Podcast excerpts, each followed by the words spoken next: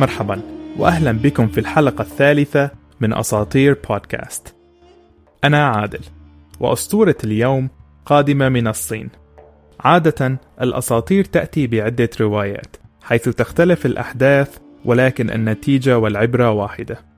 قصة اليوم في النسخة الأصلية كانت عن صراع الخير والشر. أما النسخة الحديثة فهي قصة عن الحب والثقة. سأروي لكم اليوم النسخة الحديثة بعنوان أسطورة الأفعى البيضاء.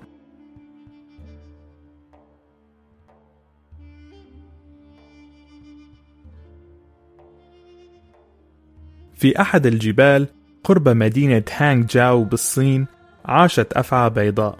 عمرها تقريبا ألف عام. قضت هذه الأفعى حياتها منعزلة عن العالم وحيدة في كهف تنمي وتطور قدراتها السحرية. كانت الأفعى طيبة لا تؤذي أحدا لا من الحيوانات أو من البشر عند تسلقهم الجبل لسبب ما. مع مرور الوقت تطورت قدراتها إلى أن أصبحت قادرة على التحول لسيدة شديدة الجمال. جلست السيدة البيضاء تراقب البشر في مدينة هانغ جاو القريبة مع صديقتها الأفعى الخضراء. الأفعى الخضراء كانت أيضا صاحبة قوى خارقة لكنها أضعف بقليل. مع ذلك كان باستطاعتها التحول لإنسان أيضا. بعد مراقبة حياة البشر شعرت السيدة البيضاء ببعض من الغيرة حيث أنها كانت وحيدة وكان البشر يعيشون بأسر مكونة من عدة أفراد يتشاركون المهام والأكل واللعب. فقررت الصديقتان أن تتخذا هيئات بشرية وأن ينزلوا للعيش في المدينة. في مدينة هانغ جاو عاش المجند لي ريان مع زوجته وأخوها الصغير شوشيان شوشيان كان يعمل في صيدلية الأعشاب وكان صيدليا ماهرا. يوما ما وبينما كان جالسا في الصيدلية جاءه راهب بوذي وبعد التحية قال أنا من داير باشو بجودة لقد أرسلنا لكم بعض الخبز والصمن وبما أن مهرجان الضوء والنقاء قد اقترب أتمنى منكم أن تزوروا معبدنا لإشعار البخور في ذكرى أجدادكم.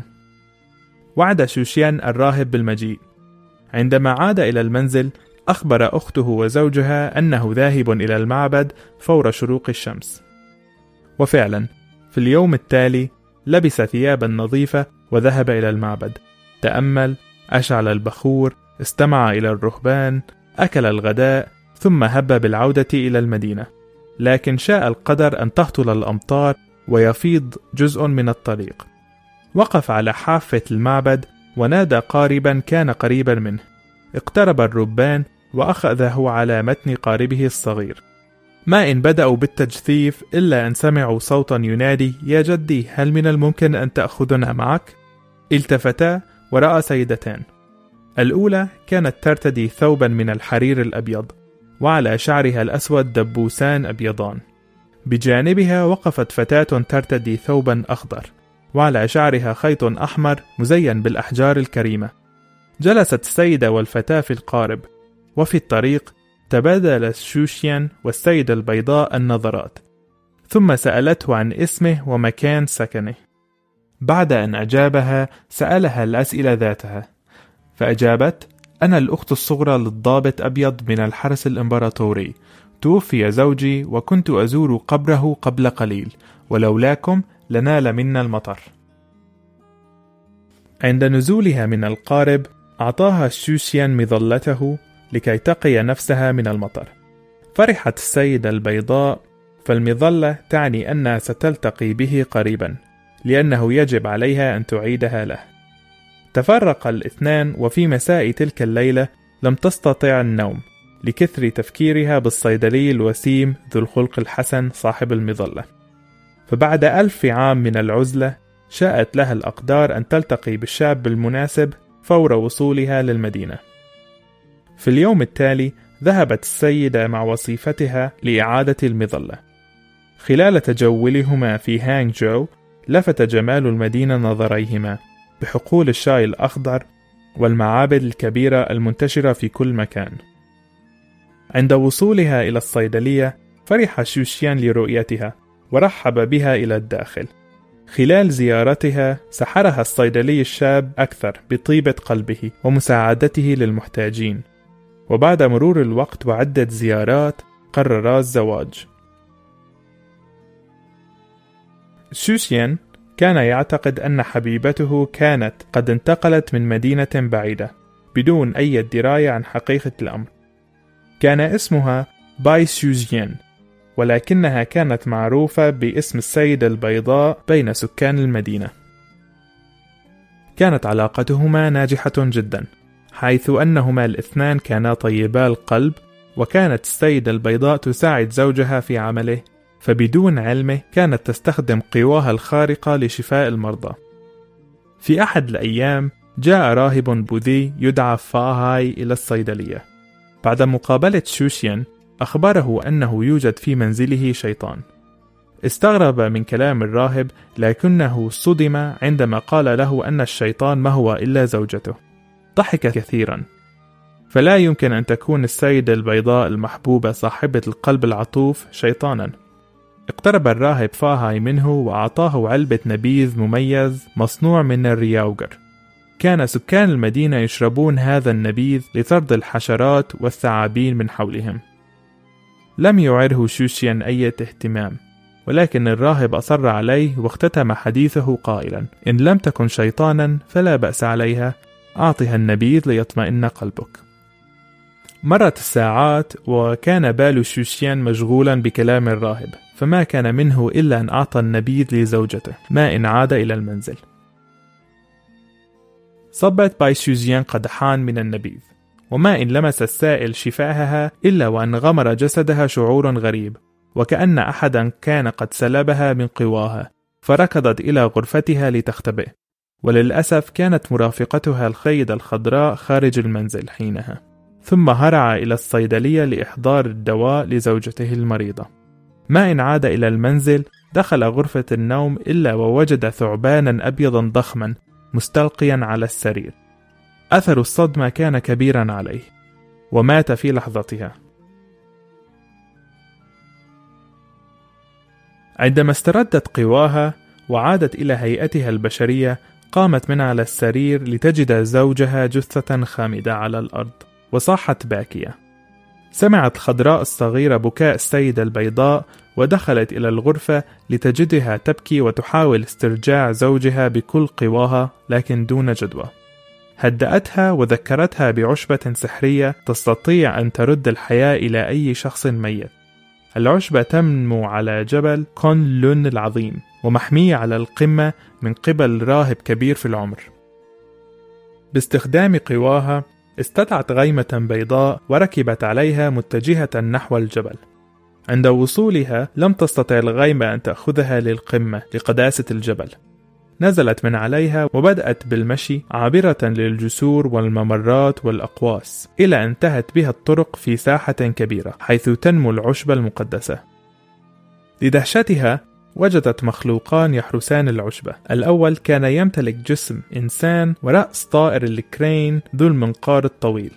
والثاني يمتلك جسم إنسان ورأس غزال صاحب قرون طويلة. فكرت في حيلة ما لتجاوزهما ولتأخذ العشبة. ثم تنكرت على شكل راهب آخر واقتربت من الحراس مرتبكة. وأخبرتهم أنها هنا لتدعو الراهب الكبير للقاء الآلهة. لم يشك الحراس بها حيث أنه لا يمكن لأي أحد فاني أن يعبر الجسور التي تقود لقمة الجبل. فتركوها لوحدها مع العشبة وذهبوا لإحضار الراهب. فور ذهابهما قطفت إحدى الأوراق وركضت هاربة. لكن ما إن بدأت بالركض حتى رآها الحراس وركضوا خلفها. في عجلتها وسرعتها أخذت حجرا ورمت به الحارس صاحب رأس الغزال فوقع على الأرض. ولكن ما زال الحارس صاحب رأس الطائر يلاحقها. حين اقترب منها وضعت العشبة في فمها لحمايتها ولكن لشدة سحرها أجبرتها والحارس على العودة إلى أشكالهم الحقيقية. فعادت إلى أصلها ثعبانا كبيرا أبيض تلتف حول نفسها ومنقار طائر الكرين ممسكا برقبتها وأجنحته ترفرف بقوة لتثبيت نفسه حيث أنها أكبر منه بكثير. بعد دقائق حضر الراهب الكبير واستغرب مما رأى فهو يعلم أن الأفعى البيضاء مخلوق أبدي لا يمكن للموت أن ينال منها. فسألها عن حاجتها للعشبة وعن الشخص الذي تريد أن تستخدمها لأجله. فأجابت إنها لزوجي وأخبرت الراهب ما حدث وأكملت قائلة أنها مصرة على إنقاذ حياته حتى وإن لم يرد أن يكون متزوجا منها بعد أن علم أنها شيطانة أو جنية على هيئة بشر. ثم سألها عن سبب حبها له.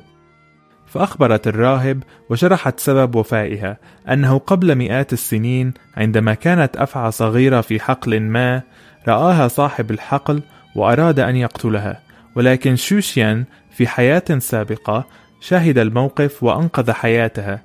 لهذا اعتبرت الرابط بينهما رابط سماوي أبدي. أعجب الراهب بوفائها وسمح لها بالعودة إلى زوجها مع العشبة لإنقاذ حياته. ركبت الغيمة التي كانت تنتظرها على طرف الجبل وعادت إلى منزلها لتجد زوجها في مكانه.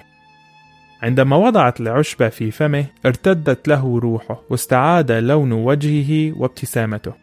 عندما رأى السيدة البيضاء جالسة بجنبه فرح وارتمى في حضنها. فهي زوجته وهو مخلص لها كما هي مخلصة له سواء كانت إنسانا أم جنية. مضت الأيام وكان الزوجان سعيدان في حياتهما. وفي أحد الأيام جاء أحد الرهبان ودعا شوشيان لزيارة المعبد وتقديم ما يستطيع من التبرعات. وعد الراهب بالذهاب ولكن هذه المرة كانت زوجته مستاءة من وعده وتجادلت معه لكنه كان مصرا. في النهاية وافقت على ثلاث شروط الأول أن لا يدخل غرفة رئيس الدير فاهاي الثاني أن لا يمشي مع الرهبان والثالث أن يعود مبكرا وافق على طلباتها لكن ما إن ذهب إلى المعبد دخل غرفة رئيس الدير وما إن دخل الغرفة إلا واستوقفه أحد الرهبان الكبار في السن وسأله كيف قابلت زوجتك؟ استغرب شوشيان من السؤال لكنه أجاب بالتفصيل فرد الراهب بما أنك تعاملت مع الشيطان يلتزم عليك البقاء في المعبد لتطهير نفسك. وقام بحبسه في أحد غرف المعبد. انتهى اليوم وغربت الشمس وما زال شوشيان خارج المنزل. بدأ القلق يتملك قلب باي شوجيان وعلمت أن خطبا ما قد حصل. زاد قلقها السر الذي خبأته عن زوجها فإنها كانت حامل وقد كتمت هذا السر بانتظار الوقت المناسب لمشاركة الخبر السعيد لكن شاءت الأقدار أن يحصل ما حصل. بعد قليل من التفكير ذهبت برفقة وصيفتها إلى المعبد وهناك قابلهما الراهب الخبيث فاهاي وترجتاه أن يطلق سراح شوشيان. طبعا لم يستجيب فهذه كانت خطته في الأصل وحاول سجن السيدتان لكن لم يستطيع. قامت السيدة الخضراء باستخدام سحرها لجلب جيش من السرطانات والقريدس من البحيرة القريبة. فرد الراهب باستخدام قواه لإشعال النار حولهما. السيدة البيضاء كانت ضعيفة بسبب حملها لكنها جمعت كل ما عندها من طاقة واستدعت المياه لإطفاء النار والتخلص من الراهب. لكن للأسف لم تستطيع التحكم بالمياه وارتفع المنسوب كثيرا إلى أن أغرق الأرض المحيطة بالمعبد والمنازل المجاورة. نجا فاهاي من الفيضان. ولكن سحرها العظيم قضى على عدة أشخاص أبرياء. وقعت باي سيوزيان أو السيدة البيضاء على الأرض مصدومة ومرعوبة مما اقترفت يداها.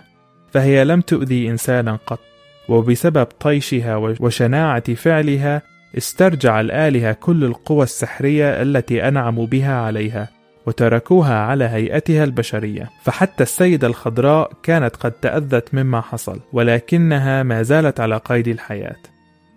في هذه الأثناء كان فاهاي يراقب ما يجري واستغل هذه اللحظة لكي يقترب من السيدة البيضاء بوعاء ذهبي مسحور ليحتجزها به فهو يعلم مدى ضعفها. في آخر لحظة وعندما اقترب منها حصل ما لم يكن في الحسبان وانبعث من بطنها نور قوي دفع بالراهب المكار بعيدا معطيا إياها فرصة للهرب بمساعدة صديقتها حررت زوجها وعاد الجميع إلى المنزل بخليط من مشاعر الصدمة والسعادة والرعب. فلم ينسى أحد ما حصل للتو على يدي السيدة البيضاء من الفيضان القاتل إلى النور الباهر خصوصا أن النور كان مجهول المصدر. بعد فترة من الزمن أنجبت طفلا جميلا وأسمته شوشيليان وغامرت البهجة قلوبهم. لكن الأب ما زال حزينا في قرارة نفسه. بسبب ما حصل قبل شهور ولم يسامح زوجته على عملها الطائش بعد. وبينما كان يتفكر على شرفة المنزل جاء الراهب فاهاي ليقدم التبريكات لهذه المناسبة السعيدة. لم ينسى شوشيان ما فعل الراهب أيضا لكن تملكه العار وأحس بخجل شديد عندما ذكره الراهب بما قامت به زوجته. عندها أعطاه وعاء ذهبيا كهدية. لم يجد أي خيار إلا أن يقبل به. عندما عاد إلى داخل المنزل والوعاء بيده وقبل أن يخبر زوجته بما حدث طار الوعاء وحط على رأسها وسحبها إلى داخله. ثم طار سريعا خارج المنزل وعاد إلى فاهاي في المعبد المجاور. كان الوعاء مسحورا وأحس شوشيان بالعار والخزيان فقد وثق بفاهاي علما أنه يعلم حقيقة هذا الراهب. لم يضع أي وقت وذهب إلى المعبد راجيا أن يطلق سراح زوجته لكن دون جدوى. أخذ الراهب الوعاء ورماه تحت برج الرعد. وكان برج الرعد طويلا مؤلفا من عدة طوابق وبجانبه شجرة قصيرة واحدة. أشار فاهاي إليها وقال ستخرج زوجتك من تحت البرج عندما تزهر هذه الشجرة. ولكن تلك الشجرة كانت من النوع الذي لا يحمل لا زهور ولا ثمار. بعد كل ما حصل غلب شوشيان الشعور بالذنب وقرر أن يترهب وانضم إلى معبد ليس بقريب من المدينة وترك ولده الصغير شوشيليان برعاية السيدة الخضراء. كبر الصبي وكان ذكيا جدا ومحظوظا. ولكنه ترعرع بعيدا عن أمه وأبيه وكان أيضا قويا جدا فلا أحد كان يعلم أنه قد اختير من قبل الآلهة ليكون التجسيد البشري لإله الحكمة وين شوتشين هذا الأمر يفسر النور الذي انبعث من بطن السيدة البيضاء في المعبد الذي أنقذها من الراهب فاهاي. مع تقدمه في العمر، زادت حكمته وذاع صيته بذكائه وحنكته. في عامه التاسع عشر قام بالتسجيل لتقديم الامتحان الإمبراطوري في عاصمة الصين في ذلك الوقت. عندما لاحظ المعنيين أنه قد أحرز أعلى درجة على مستوى إمبراطورية الصين العظيمة، قاموا بترشيح اسمه للإمبراطور لينال تكريما مناسبا. قرر الإمبراطور أن يقلده قبعة أشبه بالتاج، فكانت مرصعة بعدة جواهر ومزركشة بأزهار محلية. بعد التكريم، عاد إلى مدينته ليشارك أهله وجيرانه الفرحة. فرحت السيدة الخضراء به كثيرا، لكنها حست أن شيئا لم يكن على ما يرام. عندما سألته أخبرها أنه كان يتمنى أن يكون والداه معه في أوقات كهذه. لم تضع السيدة الخضراء أي وقت، وأرسلت خطابا إلى والده لكي يعود فابنه قد أصبح شابا وهو في أمس الحاجة إليه. وفعلا عاد الأب ولم شمل الأسرة من جديد لكنها لم تكن كاملة. عندما أخبر شوشيان ابنه ما حصل مع الراهب أصر الولد أن يزور برج الرعد. عند وصولهم إلى المكان خلع قبعته المزركشة احتراما ووضعها على الشجرة الوحيدة الموجودة في المكان. وفي لحظتها انشقت الأرض وخرجت منها باي شوزيان كما كانت قبل عشرين عام وكأن وقتا لم يمضي. في هذه اللحظة ومع بركة ابنها ردت لها الآلهة قواها وعاشت الأسرة أخيرا متحدة.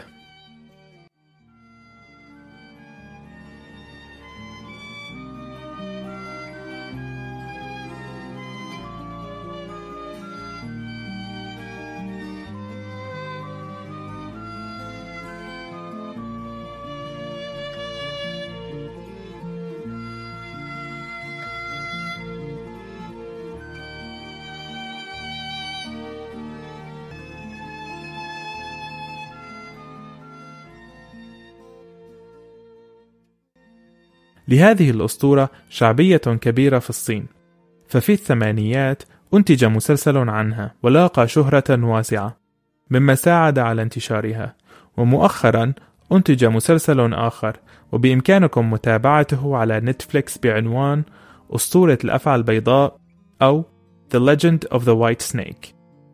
ويوجد أيضا فيلم أو اثنان عن القصة.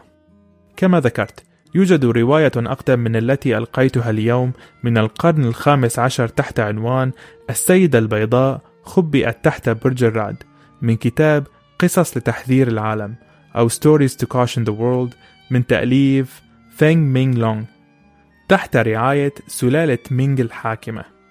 يجدر بالذكر أيضا أن هنالك عمل فني ضخم يصور هذه الأسطورة في قصر الصيف في بكين في الصين.